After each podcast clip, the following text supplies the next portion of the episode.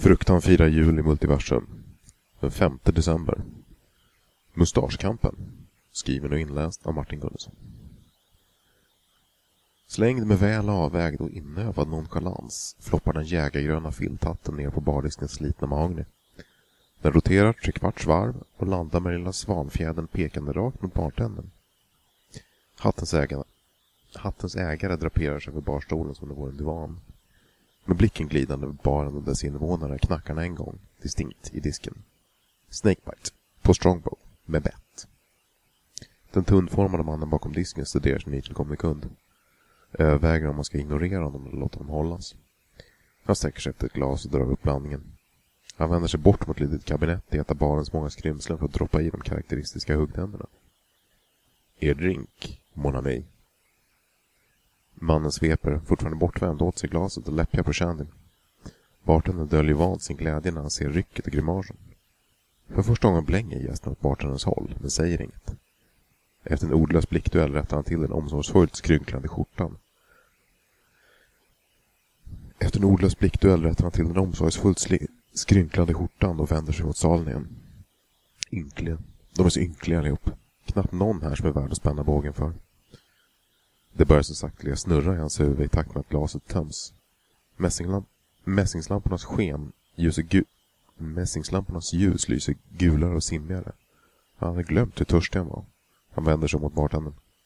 Hur du än gjorde den här så får du lov att göra en till. Han sveper halva glaset i ett drag, lutar huvudet tillbaka och blundar. Håller andan och känner regnbågsskimrande tentakler slingra sig kring hans hjärna.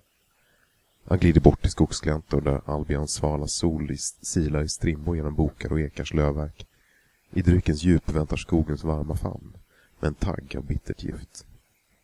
Mm, potent. Han lutar sig åter fram och stryker skummet ur sin snigeltjocka blonda snorbroms. Hans simmiga blekblå ögon återfinner sitt fokus. När hans simmiga blekblå ögon återfinner fokus hoppar han till lite. Att han har fått sällskap förvånar honom inte. Men det gör mustaschen. Den är spretig och slokande på en gång. Med pipspetsar vassa som stiletter och en yvighet så vild att en grävling kunde gå vilse i den. Det är i korthet ett majestätiskt läppskägg. Jag heter Friedrich. Trevligt att råkas. Vem är ni? Vem är ni? Inte nog med, hans ba inte nog med att hans bargranne med honom bokstavligen kunde sopa banan på ansiktsbehåringsområdet. Han har också fräckheten att inte känna igen honom. Jag, jag är Loxley för bävern. Loxley? Robin av Loxley. Bågskytt extraordinär. Godsägare och trälmästare av Guds nåde. Muntrast utav muntra män. Englands mest eftersökta om du förstår vad jag menar. Jag är das bloody Übermensch. Friedrichs, läpp, Friedrich läppbuske skuttar till lite. Robin kan inte avgöra om han skrattar. Ach, mannen som byggde sin hjältemyt på att stjäla från de rika. Ja, det skulle väl vara ett korkat stjäla från de fattiga.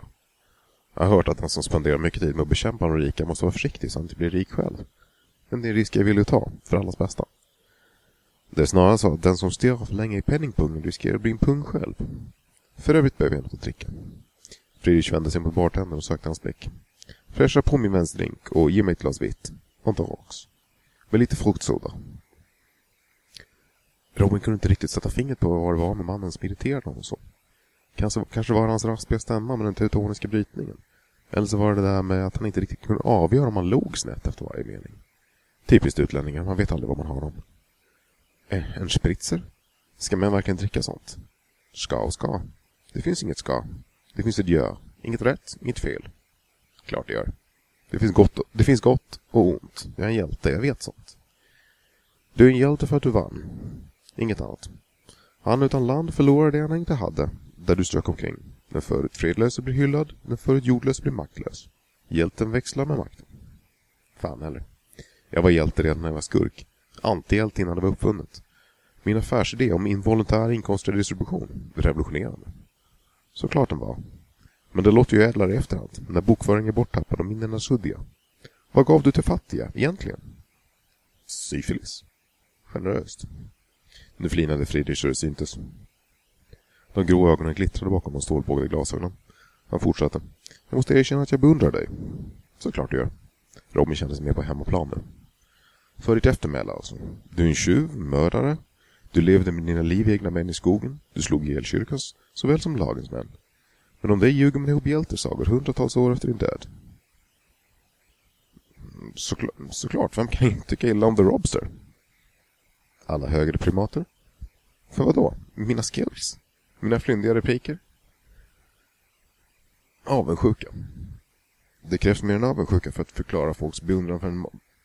Det krävs mer än avundsjuka för att förklara en mans beundran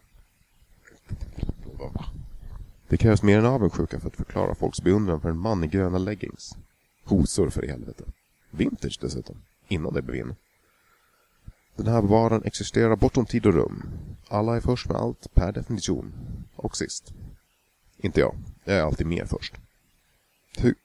Så hur går det till? Så hur går det till? Jag frågasätter inte din vilja till drygarslighet. Jag bara beundras...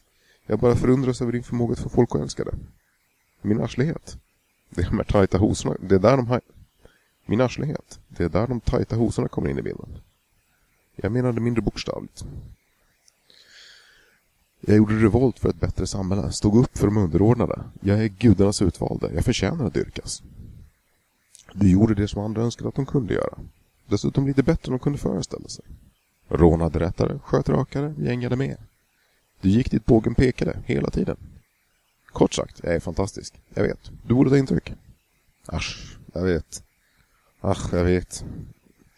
Friedrich såg mindre munter ut. Men jag vet inte hur.